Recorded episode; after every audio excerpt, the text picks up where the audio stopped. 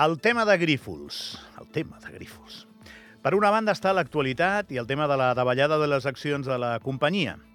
Per una banda, també, estem els membres de la societat civil, els soldats rasos de l'economia, els que no tenim ni idea d'aquestes coses del mercat de valors i que aquestes notícies ens fan una mandra sideral. Aixeco la mà, formo part d'aquest grup de soldats rasos. Doncs bé, per nosaltres saber que Grifols igual manipulava els seus números i per això resulta castigada pels mercats sembla una conseqüència no molt estranya quan t'ho expliquen així. Una qüestió de reputació, de prestigi, d'això en parlen sempre els experts.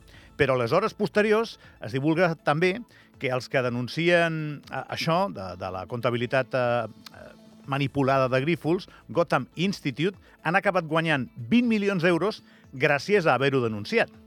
I Grifols diu que per això ho han fet, que la denúncia és interessada i que el que està manipulat és la denúncia i no els comptes. Bé, saps què? Que, que jo no sóc Bobby Axelrod, el de Billions. Ja m'aniré informant cada dia i potser algun dia en trauré l'aigua clara. Espero que més d'hora que tard, perquè així eh, tindré més interès. Si passa molt temps, igual ja ni me'n recordaré de com va començar aquest assumpte. Aquest Grífols, del que es parla tots aquests dies, és el mateix Grífols del laboratori que s'havia d'instal·lar a Ordino. I dic que sabia perquè jo tinc la sensació que aquestes empreses tan grans no acaben aterrant en llocs on intueixen que la seva presència pot ser conflictiva.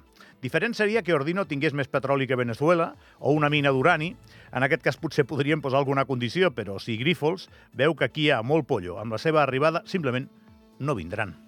Passaran pàgina i hi ha una altra cosa per pura inseguretat del projecte i per dimensió de la companyia, que és enorme. Tant se val que el govern d'Andorra s'hagi posat molt bé. Els que han protestat, tinc tota la sensació, ja fa dies, eh, que han guanyat. Això que acabo de dir és un pronòstic de primera hora del matí, no és informació. Eh? Jo crec que això de Grífols està mort i el que falta encara és enterrar-ho. Res més. Però no ho puc provar, eh? ho dic amb tota sinceritat. Però la conclusió, per mi avui no és aquesta. Eh? Un laboratori, com el que s'anava a instal·lar, més o menys un laboratori així va exactament en la línia de la innovació empresarial que es vol atreure a Andorra des de fa anys i de la que parlem des de fa anys. De fet, és exactament això del que parlem quan parlem de diversificar l'economia. I em temo que si a cada projecte que vingui anem amb ganes de trobar-li allò que en castellà es diu pegas, no n'acabarà venint cap. Cada persona, empresa o idea que aterra en el nostre país el modifica per sempre. Una mica o molt, però una mica el modifica segur. I hem de ser conscients d'això tots plegats si volem una economia dinàmica que evolucioni. Segur que entre els nouvinguts trobarem algú que somriu poc, un altre que no diu bon dia, i segur que trobarem algú a qui li fan olor als peus. Mala olor. Si ens hi posem, segur que ho trobem. I segur també que si ens ho proposem direm que tot plegat és inacceptable.